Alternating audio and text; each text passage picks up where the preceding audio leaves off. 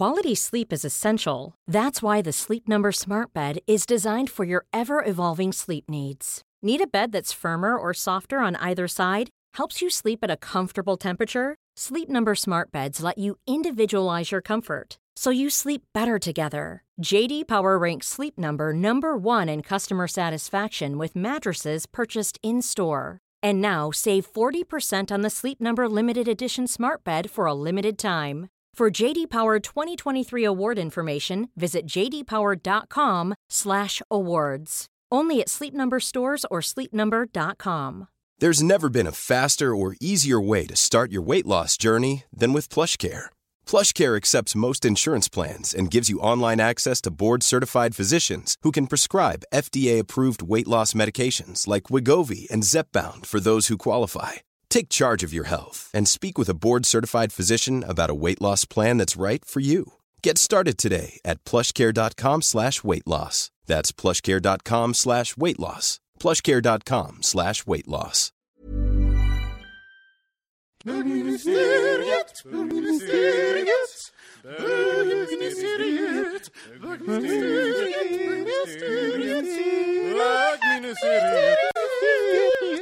Hej och välkomna till bögministeriet. Mitt namn är Robin Olsson som vanligt och jag sitter här med Mårten Andersson, hej. Hej! Och Johan Svensson. Hej. Och jag sitter här även med Nalle Lannela, eller hur? Mm, här är jag. Ja, välkommen. Tack så mycket. Du eh, är, vad var, det, vad var det, jag försökte komma på exakt vad man skulle titulera dig, men du har så många titlar. Du är a lot of tits. A lot of tits darling.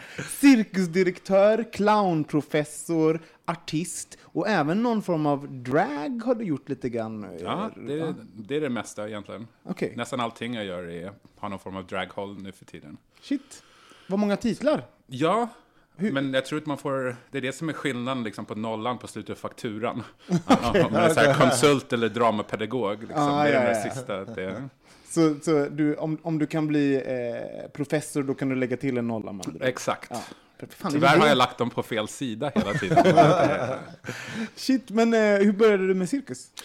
Ja, alltså jag började egentligen... eh, jag flyttade till Sverige när jag var 12.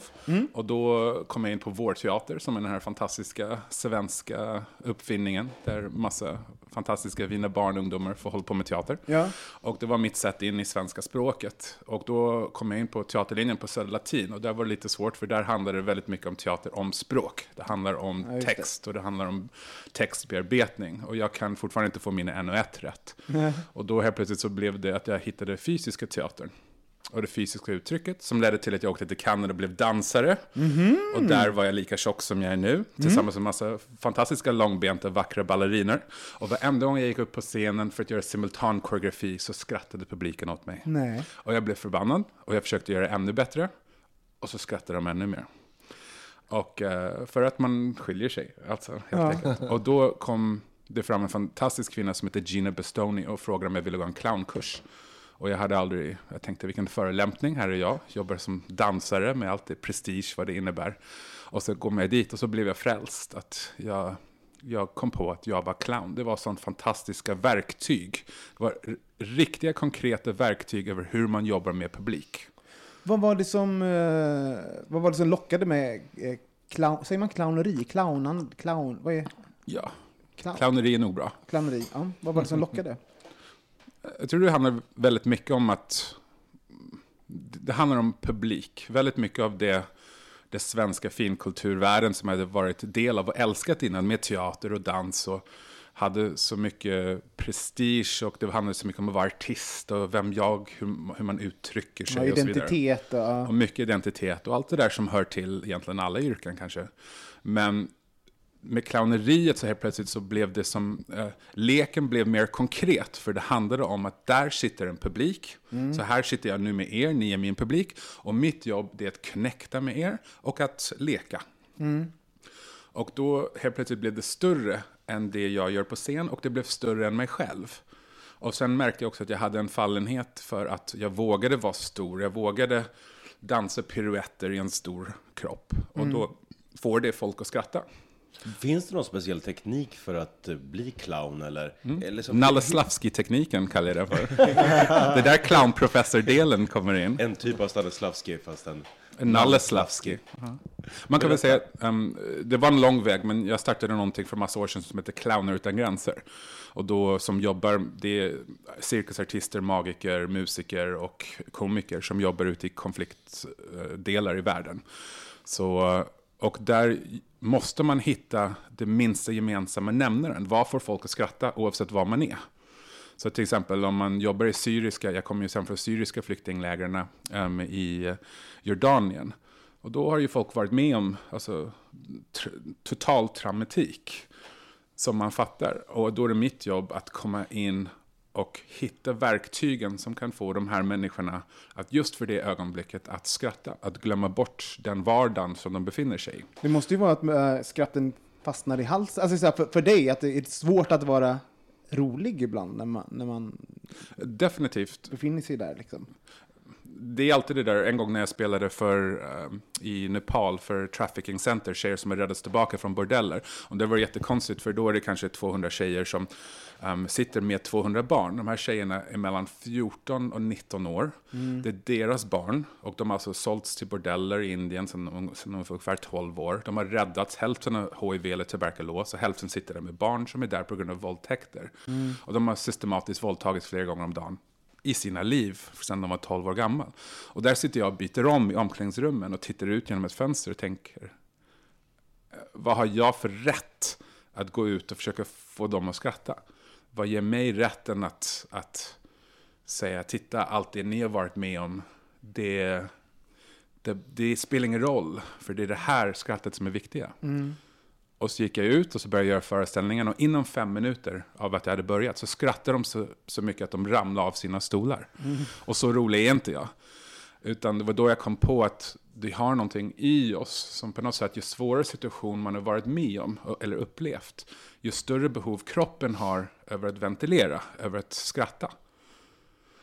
Och att det var då som på något sätt jag kunde börja ta mig rätten till att eh, jag går in och om jag kan få dem att skratta och det funkar och det blir magiskt, är det bra. Och om det inte funkar, då... Det har, jag har varit med om ställen då man inte ska skratta. Till exempel, jag var i Republik Serbsk när NATO började bomba. Och sen var västerlänning i ett ställe där västerlandet bombar dig.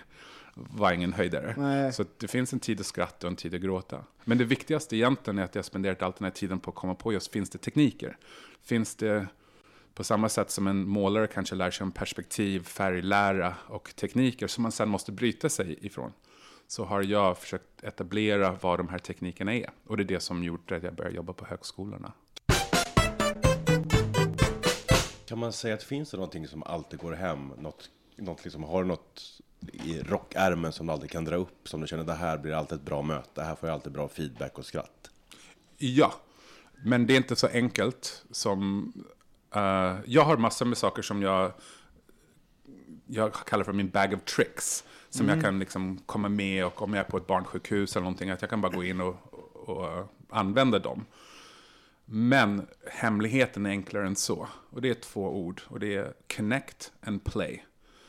Att man inte ska försöka vara rolig, att man inte ska liksom göra sig till någon annan än vad man är. Utan att man tittar folk i ögonen och befinner sig i samma rum som dem. Vare sig de är ett barn med leukemia eller de är 12 000 rumäner på ett festivaltorg.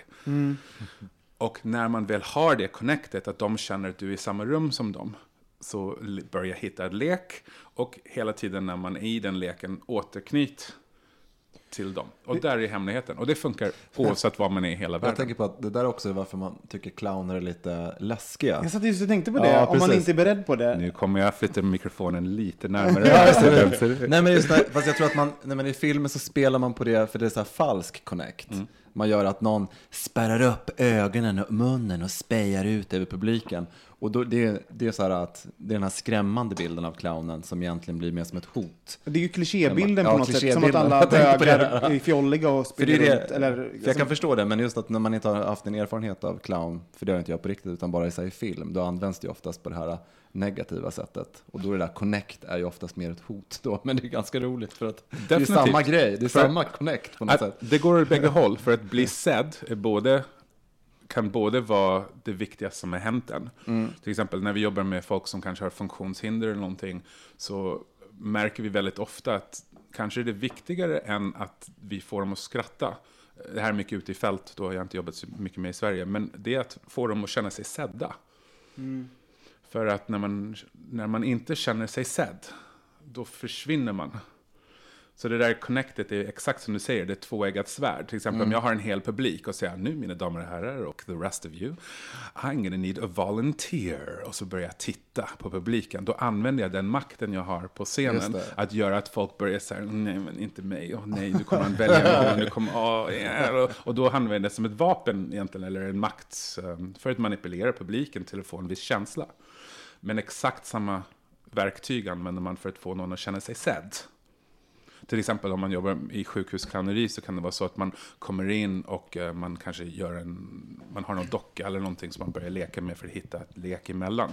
Och sen börjar barnet medvetet bli aggressiv med den dockan och ta sönder den och allting. Och då skulle man kunna säga nej, clowner är snälla och vårt jobb är att alla ska vara glada. Eller skulle man säga nej, den här barnet är skitarg och frustrerad just nu och deras viktigaste behov är att kunna få uttrycka det. Och då är det, det är deras lek. Ja, då, då får de bestämma den leken. De äger den leken då. Så att det, den, som jag säger, det är, en, det är en verktyg. Men sen måste man i ögonblicket bestämma vilket håll vill jag dra leken till. Vad har ni för, eh, Morten och Johan, vad har ni för relation till eh, just eh, clowner? Nej, men det är just det jag beskriver, att jag, jag har inte så mycket erfarenhet alls av clowner. Men Men som, man kan ha ändå en bild av, av någonting. Ja, men därför tyckte jag det var lite kul att prata om det här Connect, om tvåeggat svärd, för att det är det man använder i film och gör clowner läskiga. För den där falska, du har inte kontroll längre, liksom, utan när clownen kan titta ut dig och liksom ta-ta! Sen Eh. också finns det populärkulturellt har ju clown, clowner använts som någonting. Alltså de har, det finns ju film, Det och de här. Finns Ja, ju men de det är väl det du pratar ja, om, Det det- är det som är lite kul också tycker jag. Men sen har jag faktiskt tänkt på, för mig är clownen mycket det här med eh, att, eh, som det är faktiskt det du har berättat om, det är den erfarenheten, jag har läst mycket i tidningarna om att det som du pratar om, clowner, Utan ut- gränser. utan gränser och jag tycker alltid så här eh, rörande när man ser bilder från barnsjukhus och clowner på besök och eh, det tycker jag. Men ingen erfarenhet, ingen personlig erfarenhet. Fick clown. ni clowna någonting i Teaterhögskolan? Ja, Mårten? det fick vi. Ehm, det gjorde vi. Mm. Nu är du fast! Nej, men jag tyckte det var skitklurigt. Vi hade bara ett block på scenskolan som, som, eh, som vi hade clowneri. Och sen när jag gjorde min praktik också så hade vi en kurs i clowneri. Nej, det var inte min bag. Jag tycker det var Varför? Vad, jätteklurigt. vad var det som var svårt? Var det Gonzales teknik då? Alltså med... Mm, eh, den andra, den här workshopen var det. Fast jag tror det är jätteviktigt att definiera vad det är. Som till exempel, ehm, jag är på väg då att ha premiär på Hilton, med en vuxenföreställning som heter Moulin Noir. Och Moulin Noir är då Moulin Rouge som går fel. Nicole Kidman kommer inte, så jag är tvungen att göra alla hennes roller. Och, ehm, och på riktigt så är det 100% clowneri det jag jobbar med. Men jag tror hun- 90% av publiken kommer gå därifrån och inte ha upplevt att det har någonting med clown att göra. Till exempel om man tänker Karl-Einar Häckner, en av Sveriges största komiker nu för tiden, som han, han, gör, han kan göra live soloföreställningar utomhus på Liseberg. Det är enorm publikmängder och sen kan han göra intima teaterföreställningar som sen filmas och får folk att skratta. Men han ser inte ut som en clown. Nej. Så är det clowneri eller inte? Och jag tror det är där som är hemligheten, är att, att um, på något sätt så har den vanliga personens bild över vad en clown är fastnat i att det är någonting som är för barn. Och det här amerikanska clowneriet med det här stora sminket och så.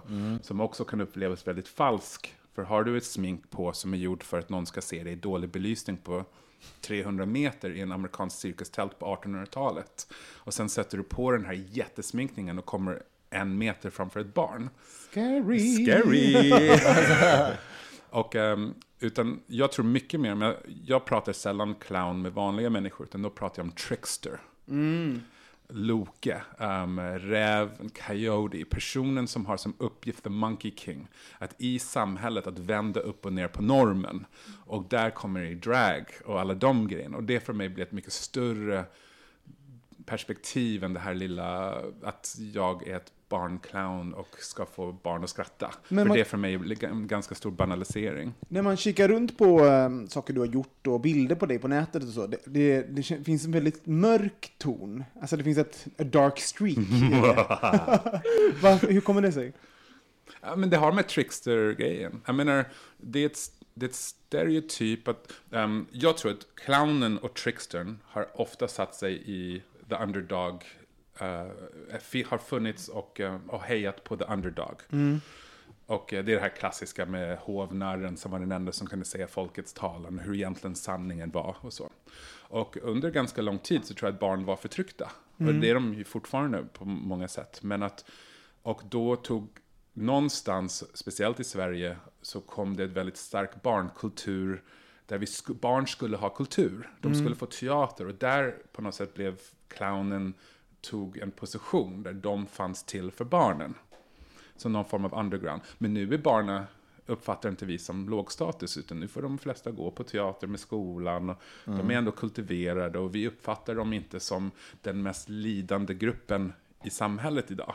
Nej. Och därmed så menar jag också att det kanske inte är där clownens roll är eller längre. Därav Så jag jobbar till exempel, i, jag har en grej som man måste välja som när jag gör shower. Just den här föreställningen är mitt jobb att comfort the disturbed eller disturb the comfortable. Så när jag är ute med Clown till gränser, då är det väldigt tydligt. Det är comfort the disturbed. Någon har just förlorat sin familj, allting de äger, um, har sett våld. Och mitt jobb är att få dem att, att skratta och att på något sätt komma ihåg en annan realitet. Men när jag är ute med Burnt Out Punks, som är Sverige, Europas största pyrotekniska cirkus, då är mitt jobb att fuck your minds. Mitt jobb är att visa, visa upp någonting, säga titta här är statyn och sen dra undan mattan så att statyn går i kras. Och det är det som är en annan komik som vi skapar i, i den farligheten. Och att då är många menar på att, åh nej, jag- förlåt jag måste säga, men jag tycker clowner är lite läskiga. Och jag bara, fuck yeah. det, är så här, det är mitt jobb. Mitt jobb är att du ska inte veta var du har mig.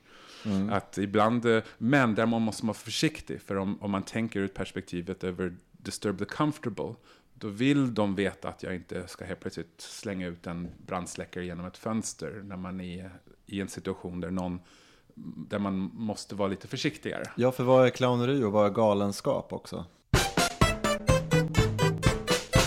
Hur, hur är det ehm, att vara eh, en HBT-person i, inom clown, clowneri och cirkusvärlden så att säga? Hur, hur, vä- hur väl representer, representerade är vi? För jag, jag, jag tänker i mitt huvud att det, är, att det är underrepresenterat. Det känns ganska macho på ett sätt. Det känns ju väldigt mycket som en icke-normativ värld, men en väldigt heteronormativ värld. Ja, Man ska nog... Säg emot oss. Nej, nej, det, det, det stämmer. Men jag menar, men det där är så svårt för... Som jag sa, mitt jobb är att, kunna jobba för vilken publik som helst. Så att alla de åren som, som man var på Hoochie Cooch eller som nu när man är på Kolingsborg och kör dragnummer eller någonting och man är liksom i ett situation som är HBT-vänlig, då drar man ut de, då drar man ut de växlarna. Men eh, som nu så, om man ska göra en föreställning för ett, ehm, vi säger som en, väldigt många publik är ju busslastpublik. Och de busslastpublikerna, så man kan vara mycket, mycket mindre farlig och det upplevs som mycket mer farligt. Just det. Så att, ehm, så kanske på en, eh, um, på Kolingsborg så kanske man ska komma ur, strippa, dra ur ett hopprep ur röven och hoppa hopprep med den. Och då är det folk bara, "Åh, helt galet. Men på en, ehm, en vanlig föreställning som kanske har en mer normativ publik så räcker det med att jag kommer fram i kvinnokläder, sjunger och trollar fram ett bh bakom korsetten. Och Har du haft ett hopprep i röven? Bara brainstormar här. It was so hard. I mean, det, var, det var själva att öva det tricket. Ja. Liksom. Det var så här. Det var jättejobbigt att öva det tricket. Det var jättejobbigt. Gud vad jag övade och övade och övade. Jag skulle tänka att det skulle vara väldigt svårt att vara, jag vet att så här är ju, man tänker på USA när man beställer clowner. Jag tänker så här att en sån här cocktailfest på Söder med så här helt vanliga Det människor. händer ju inte i Sverige. Nej, nej, men, men, men om det på skulle... det sättet, eller? nej, men precis. Men låt säga att skulle, det skulle, skulle Jo, jag det tycka händer man, nog jätte... Gör det? Jo, för jag driver... det, det vi tjänar pengar på är eventmarknaden. Ja. Och där är det, jag menar, hela tiden så är det ju fester där man tar in, till exempel um, den, som, den föreställningen som nu är på Hilton, Moulin Noir, den kan man väl säga konkurrerar internationellt med det som är La Soirée. Och då är det till exempel en kvinna som kommer fram, hon börjar strippa, och hon tar en röd näsduk och så börjar hon, hon trolla bort röd näsduken och sen tar hon av ett plagg. Ursula Martinez heter Just hon. det, jag har och sett sen henne. så visar det sig att den är i bhn. Så trollar hon bort den igen och så tar hon av bhn och den visar sig att den är i trosorna.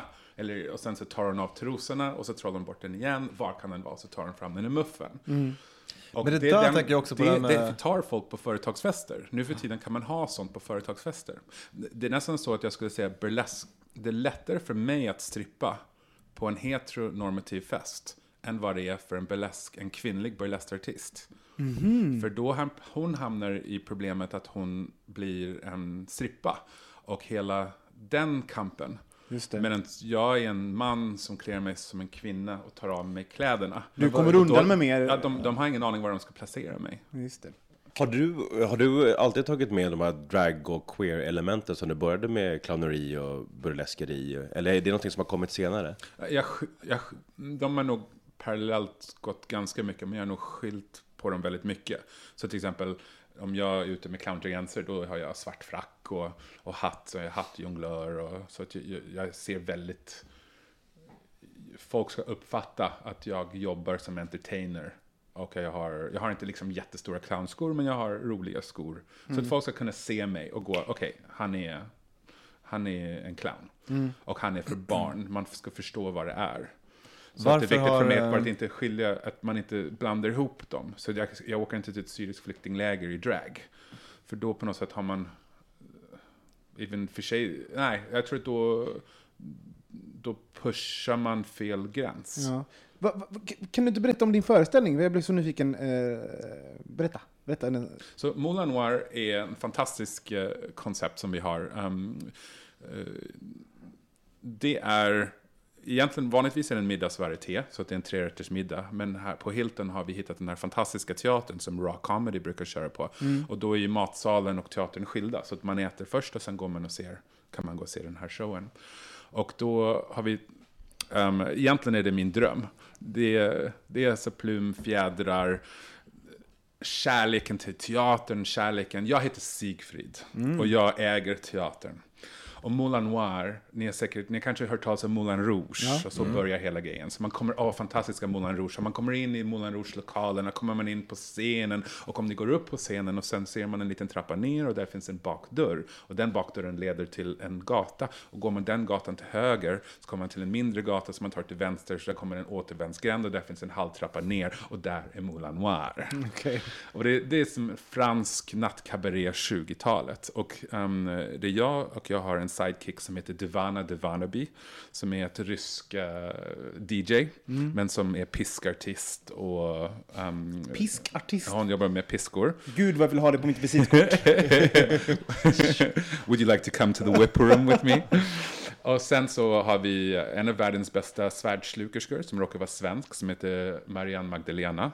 Um, som checkar glas och hela, men hon gör det totalt 100% uppklädd i de mest fantastiska korsetter och också en sån här som älskar att sy grejer. Men är, gör de mest äckliga sakerna, men med den mest fantastiska stilen. Så hon är en sån här som får spela för kungar och drottningar, men med sånt som är helt förbjudet.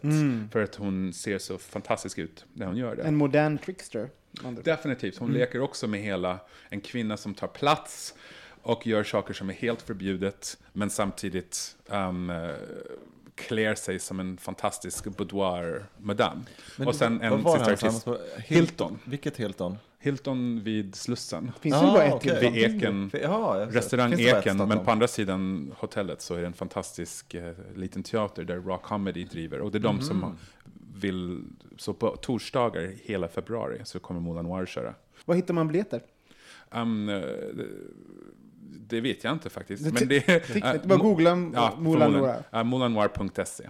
Jag är lite nyfiken på ehm, hur, hur hög är raggstatusen på att vara clown? Om, om, om, någon, om du går ut en kväll på Kolingsborg och bara så här, hittar någon lite mumsig så här och bara mm, vad jobbar du med? Jag är clown, säger du. Hur högt i rang ligger det? snarare så att om man märker att det fungerar vet man inte kanske om det är rätt kap eller inte. Ja, men det största problemet med clown är på det sättet att det förknippas till barn och barn har ingen status. Vem fan vill jobba med barn? Jaha, du jobbar på dagis. Mother's Day is around the corner. Find the perfect gift for the mom in your life with a stunning piece of jewelry from Blue Nile. From timeless pearls to dazzling gemstones, Blue Nile has something she'll adore. Need it fast? Most items can ship overnight. Plus, enjoy guaranteed free shipping and returns. Don't miss our special Mother's Day deals. Save big on the season's most beautiful trends. For a limited time, get up to 50% off by going to BlueNile.com. That's BlueNile.com. Many of us have those stubborn pounds that seem impossible to lose, no matter how good we eat or how hard we work out. My solution is PlushCare. PlushCare is a leading telehealth provider with doctors who are there for you day and night to partner with you in your weight loss journey. They can prescribe FDA-approved weight loss medications like Wagovi and Zepbound for those who qualify. Plus, they accept most insurance plans. To get started, visit plushcare.com slash weight loss. That's plushcare.com slash weight loss. Quality sleep is essential. That's why the Sleep Number Smart Bed is designed for your ever evolving sleep needs. Need a bed that's firmer or softer on either side? Helps you sleep at a comfortable temperature? Sleep Number Smart Beds let you individualize your comfort so you sleep better together. JD Power ranks Sleep Number number 1 in customer satisfaction with mattresses purchased in-store. And now save 40% on the Sleep Number limited edition Smart Bed for a limited time. For JD Power 2023 award information, visit jdpower.com/awards. Only at Sleep Number stores or sleepnumber.com. Liksom, det, man, det drar ner det på en gång. Men om jag säger att jag jobbar som dragartist eller att jag strippar. Jag vet faktiskt inte om jag jobbar som dragartist eftersom jag sjunger live. Mm. Och jag har aldrig riktigt fattat det där. Om man är drag, nästan aldrig, jag tror aldrig jag sett, jo, men Jo, det finns- det finns sjunger, ju, ja. eller live, gör han inte det? Jo, fast det, det är lite ju till. dolce vita. Ja, det, om, om det är sång kan det... Men att det...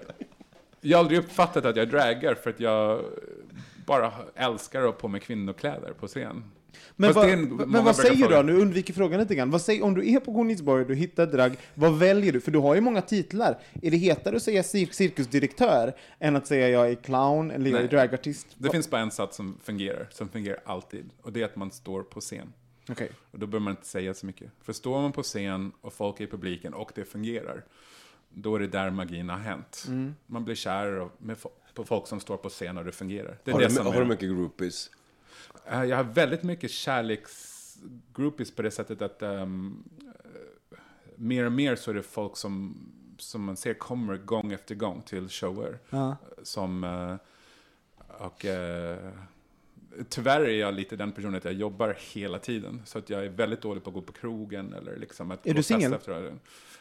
Ja, eller jag har, jag har många, jag, jag har många älskare runt i världen och Mm. gillar att samla på dem och helst att man kan behålla dem och sen kanske man går ur faser så att man är någon ibland i ett fast förhållande eller i ett låst förhållande eller någonting. Skulle du säga att du är poly liksom? I det... Definitivt. Ja. Men jag, jag tillhör nog de som tror att vi är det. Alla. Det bara... Att, Att jag tror att man går i, i sina liv. Alltså att, definitivt att man är... Jag har också haft många ställ, gånger där man kommer i den där kärleken. Man vill bara vara med den personen. Mm.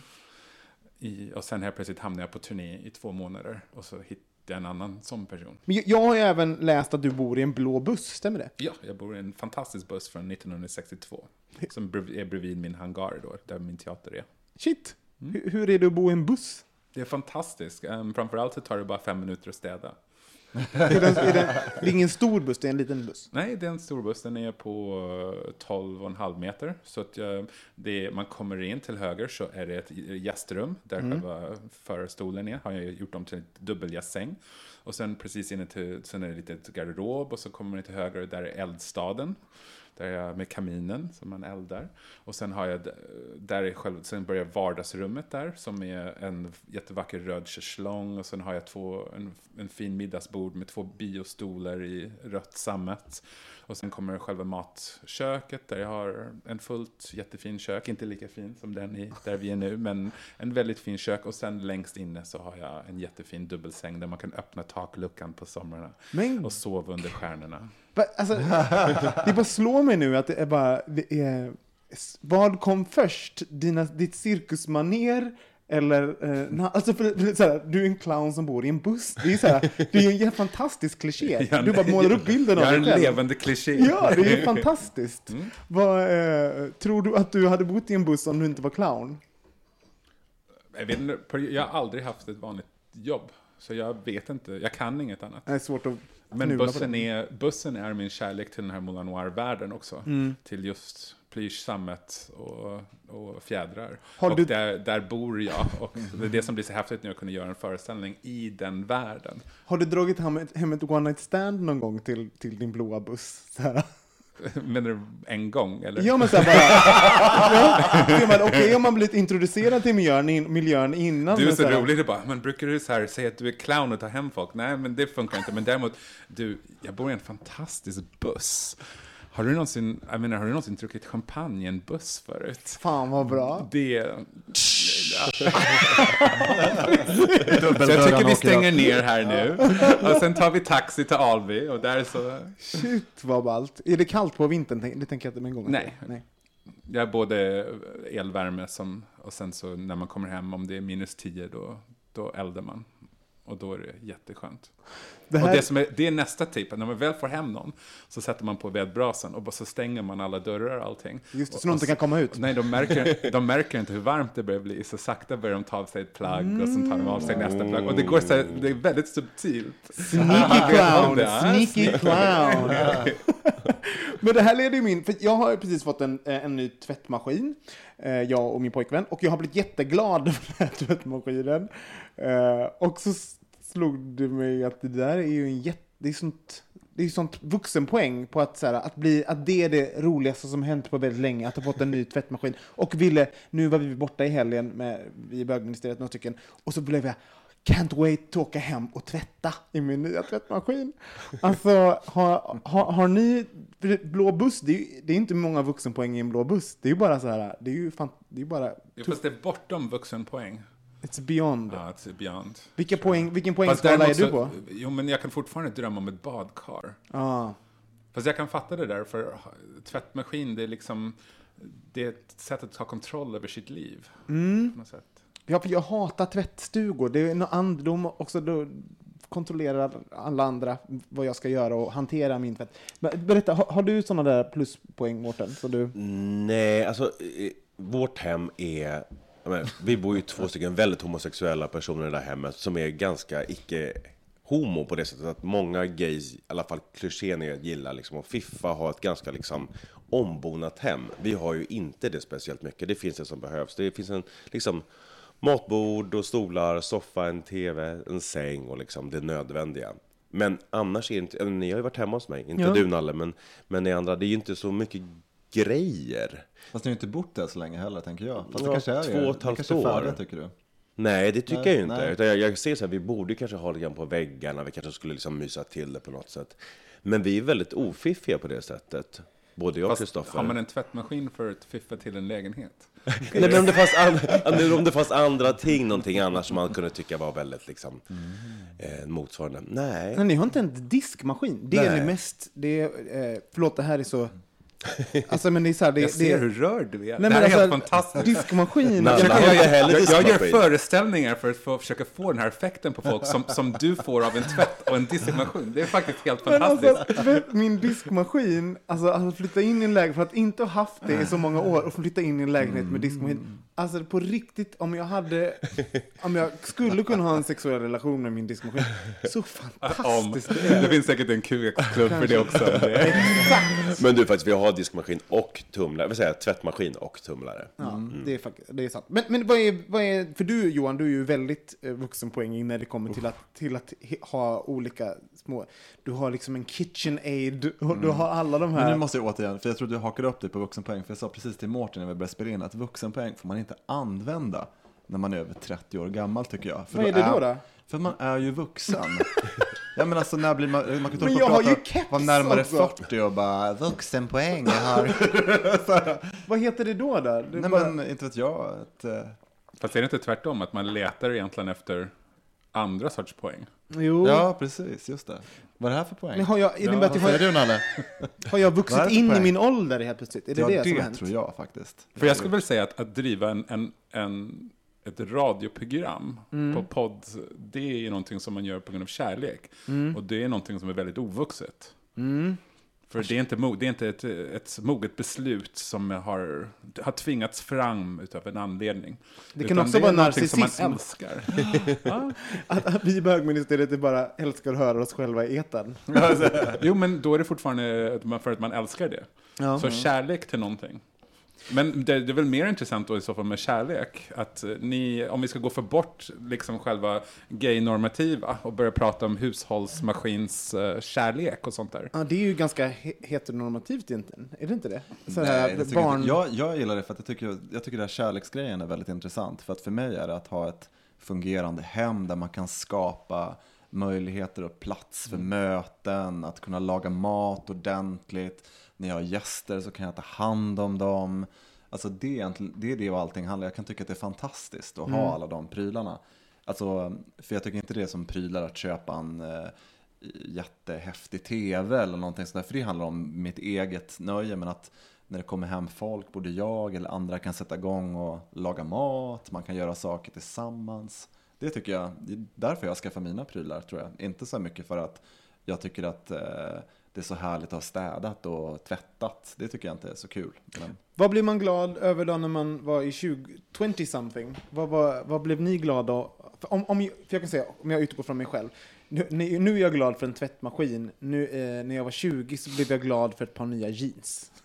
Då, då, då var det viktigt, att jag var snygg när jag gick ut. Det var viktigt. För. Jag blir, fort, jag blir fortfarande glad av att ha nya jeans. Jag uppfattar att ofta blir man glad över någonting som man ehm, längtar efter. ja, just Så att det är det som kopplar ihop. Um, så Jag längtar efter frihet.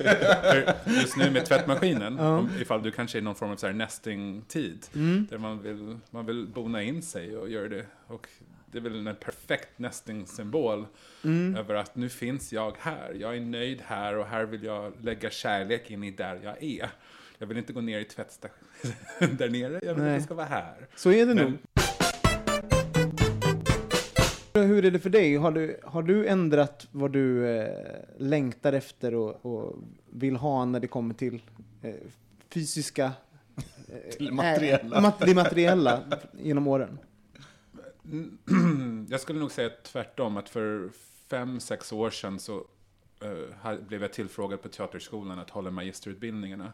Och då i fysisk komik. Och då var det internationell intag och då kände jag, okej, wow, oj, helt plötsligt har jag en karriär. Så från att jag bara varit fokuserad på att göra konst i min egen bubbla, som i och för sig har varit väldigt öppen, publikvänlig konst, men att det är så här, det är ändå att jag har bara brytt mig om, om det projekt jag var i. Helt plötsligt fick jag en känsla av, oj, jag, kanske har en karriär nu. Och då helt plötsligt så märkte jag att mina värderingssystem började ändra där jag började undra vad alla andra hade i lön och vad fanns det för, liksom, vad kunde man få för bonusar och hur kunde man utnyttja systemet på ett sätt. Och, och då, men väldigt snabbt, kanske efter ett halvår, så fick jag känslan, nej, om jag ska vara lycklig i resten av mitt liv så ska jag nöja mig med mindre. Jag, för första gången började jag tänka, åh, jag kanske har råd att köpa en lägenhet. För att jag har ett riktigt jobb Ja, med riktigt lön så jag kan få ett lån och hela det. Och så kom jag på, nej, utan den lägenheten kommer förmodligen bara leda till en större lägenhet som kommer, och i den spiralen. Utan att nej, jag ska vara nöjd med min buss och jag ska vara nöjd med mindre. Och det, faktiskt var, det var nog det bästa beslutet jag har tagit hela mitt liv. Det låter ju fantastiskt. Och det, det, jag måste bara säga, det, det är en bild jag har med folk som jobbar med cirkus och eh, clowneri och sånt. Det är att eh, eh, ni har tänkt väldigt mycket på ert, ert, er egen konst.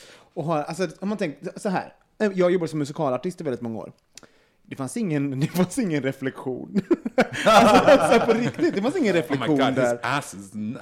Nej men så här, liksom, så här, hur högt kunde mitt ben kicka, hur, hur hö- högt kunde jag sjunga? Och sen självklart i en process när man var i produktion, då fanns ju reflektion kring vad jag gjorde, gjorde just då. Men jag hade ingen reflektion kring mitt eget konstnärskap.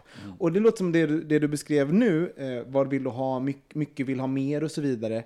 Eh, Det låter som att det har fö- fötts på något sätt ur, ur din relation till konst och, och eh, Fast det är de stora problemen, att väldigt många av konstformerna i fin konst så Mm. äger inte konstnären sin egen konst. nej. Utan om man är, man är regifödda helt enkelt. Att eh, det är regissören som äger skådespelarprestationerna eller vad det nu är. Men är det så för dig fortfarande? Nej, utan i den formen jag jobbar i, som eh, magi, i hela entertainmentvärlden, där är det så, där äger vi vårt egen show. Mm. Det är min show, det är jag som skapar den, jag äger den både på papper, men också i känslan. Och för när man väl äger saker, då kommer reflektionsbehovet in automatiskt. Mm. Vad, vad är det mest bögiga som finns i era hem? Eh, hudkrämer. Hudkrämer. Ja, du är väldigt insmord. Men det Jag är de bäst bögiga. Nej, men för du, du, du jag har sagt det till dig flera gånger, va? Att du är Mm. den mest ins, eh, återfuktade bögen jag känner. Groomade. Det är bra. Vad- Johan, vad är det mest bögiga i din, ditt hem? Mm, jag tror min konst är det bögigaste. Mm, Men den är motiv- väldigt bögig. Ja, för om man tittar på motiven som jag har. Kan du beskriva ett motiv? Nej, men det är, för första är det av mm, fotokonst med drag queens eh, och eh, så här gamla ikoner. Jag har en jättestor print med en kvinna i en Vivienne Westwood-klänning. Och du vet så här en, en oljemålad björn som kissar på en pojke. Det...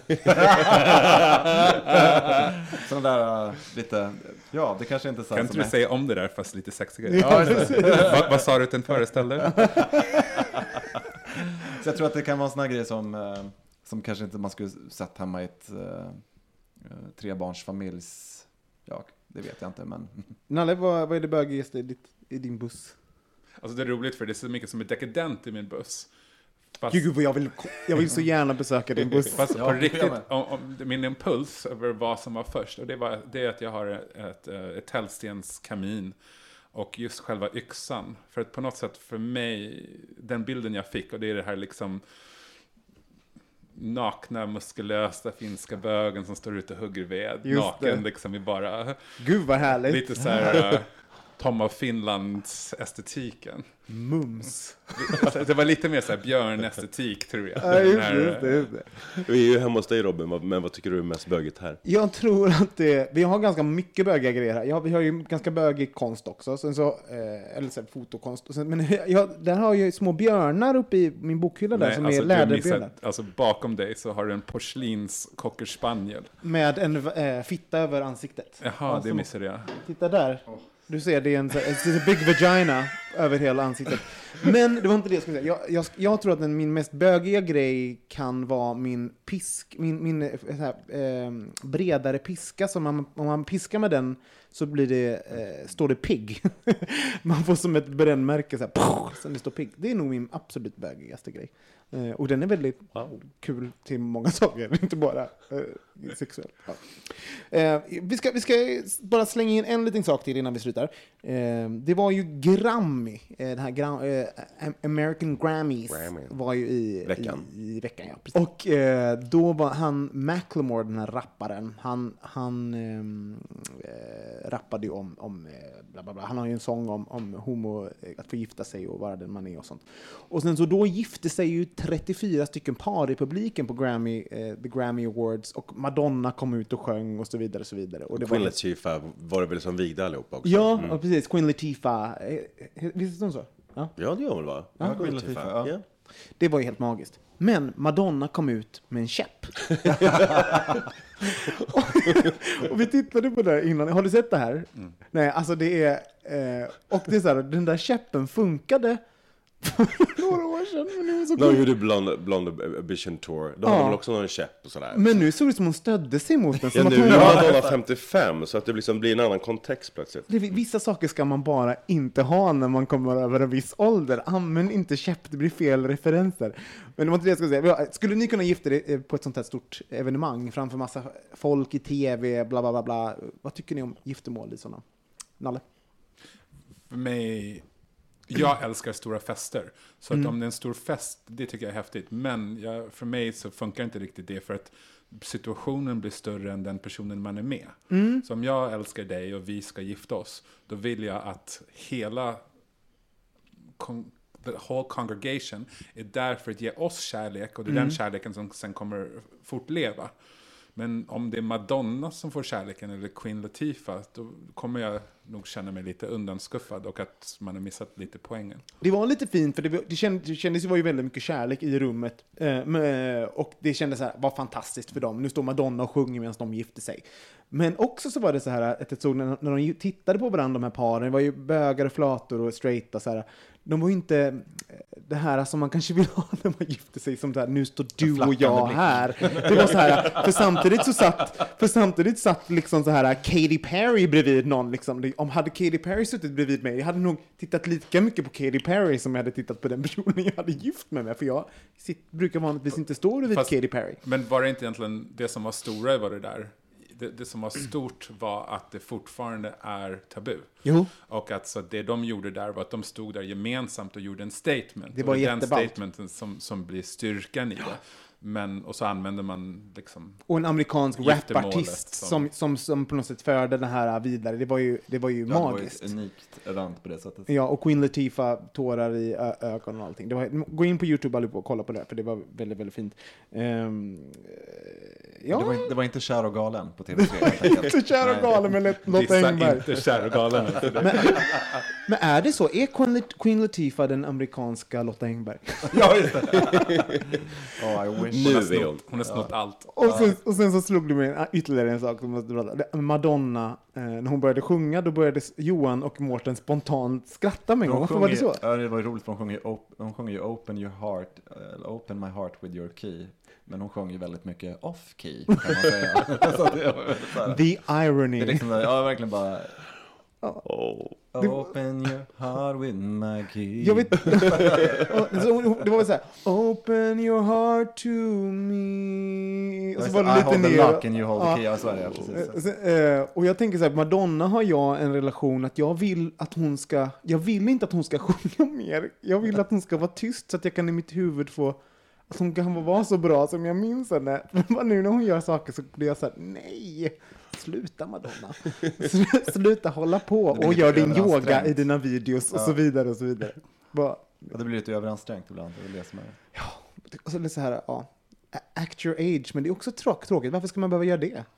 Ja, men det där tycker jag tillhör något gammalt, det där med act your age. Det tillhör ju att gå tillbaka till 50-talet, att vi blev tonåringar. Ja. Och, så, det, så att det där kommer ju försvinna det, på ett annat Hon är sätt. sin age kanske helt Hon är sin age. Jag tror att det kommer vara så att det här, det där över, den synen tror jag kommer, den överlappas väl genom generationer och om du, eh, var du bor i ett samhälle Mm. också i, i västvärlden utan att liksom gå in på det. Men därför tror jag just den här grejen, eh, för jag menar, till och med kom jag ihåg när jag läste intervjuer som tonåring om att eh, ja, jag vill ju inte vara någon patetisk som står på Rish när jag är 35 år gammal, för då ville man ha familj.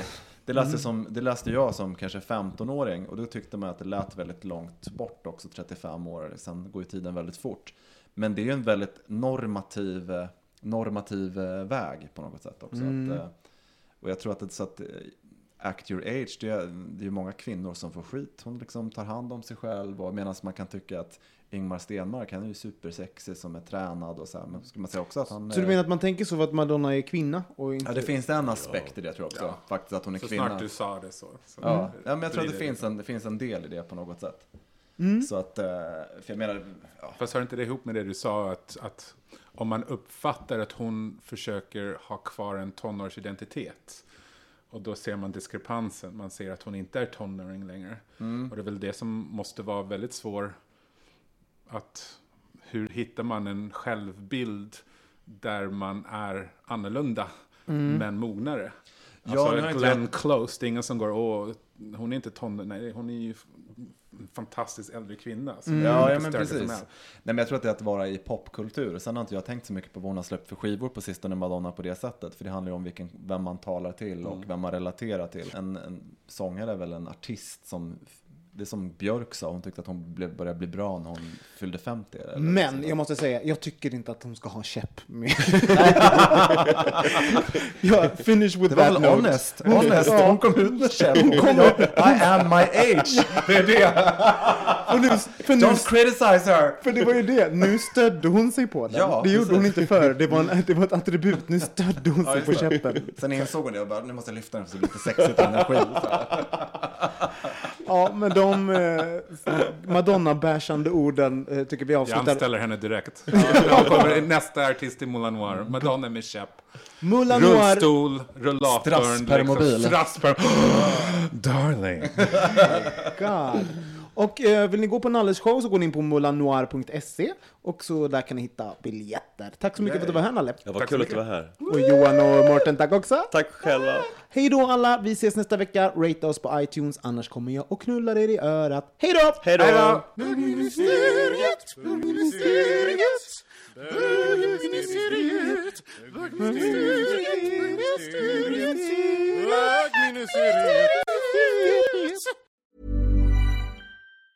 Planning for your next trip?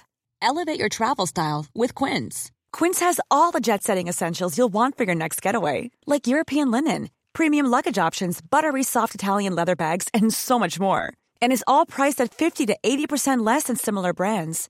Plus, Quince only works with factories that use safe and ethical manufacturing practices. Pack your bags with high-quality essentials you'll be wearing for vacations to come with Quince. Go to quince.com slash pack for free shipping and 365-day returns. Even when we're on a budget, we still deserve nice things. Quince is a place to scoop up stunning high-end goods for 50 to 80% less than similar brands. They have buttery soft cashmere sweaters starting at $50, luxurious Italian leather bags, and so much more. Plus, Quince only works with factories that use safe, ethical, and responsible manufacturing. Get the high-end goods you'll love without the high price tag with Quince. Go to quince.com/style for free shipping and 365-day returns.